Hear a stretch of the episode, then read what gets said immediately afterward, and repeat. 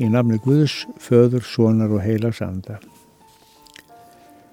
Spámaðurinn Jeremia lýsir trúareynslu sinni þegar drottin kallar hann fyrir, fær honum ákveðið hlutverk sem Jeremia fannst hann ekki ráða við. Frásögnin sínir staðreindina sem trúið manneskja má treysta á. Að vera dýrmætt Guði. Þegar í móðurlífi eiga hlutverk í lífinu. Þar sem ekki þarf að ganga fram í eigin mætti heldur með stuðningi drottning. Heyrum frásögnuna úr fyrsta kapitúla spátunsbókar Jeremia. Orð drottins kom til mín. Áður en ég mótaði þig í móðurlífi, ég valdi ég þig. Áður en þú fættist, helgaði ég þig og ákvað þú erði spámaður fyrir þjóðirnar. Ég svaraði, drottin minn og Guð, ég er ekki færum að tala því ég er enn svo ungur.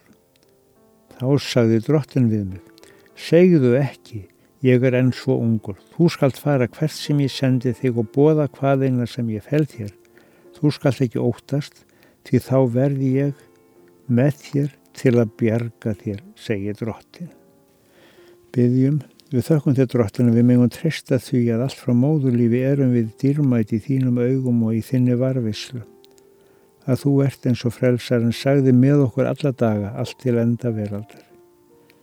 Við þökkum þér fyrir að þú ætlar okkur öllum hlutverk í sköpun þinni og verkaðinna.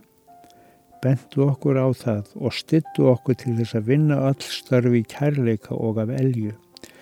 Við byggjum þig fyrir því fólki sem finnur sig einmala, þeim sem sjá ekki tilgangi lífi sín og aðtöfnum. Uppörfa þau með þinni náð. Hjálpa okkur til að horfa til hvers dags með bjart síni og þakklæti. Hjálpa okkur að lifa í sátt við allt fólk.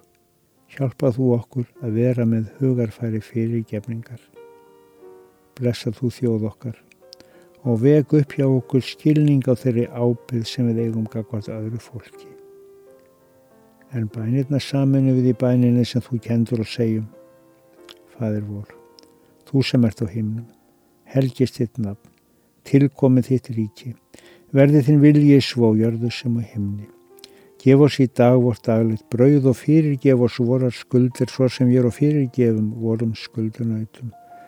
Og eigi leið þú oss í fresni. Heldur frelsa oss frá yllu því að þitt er ríkið, mátturinn og dýrðin að eilífu. Amen.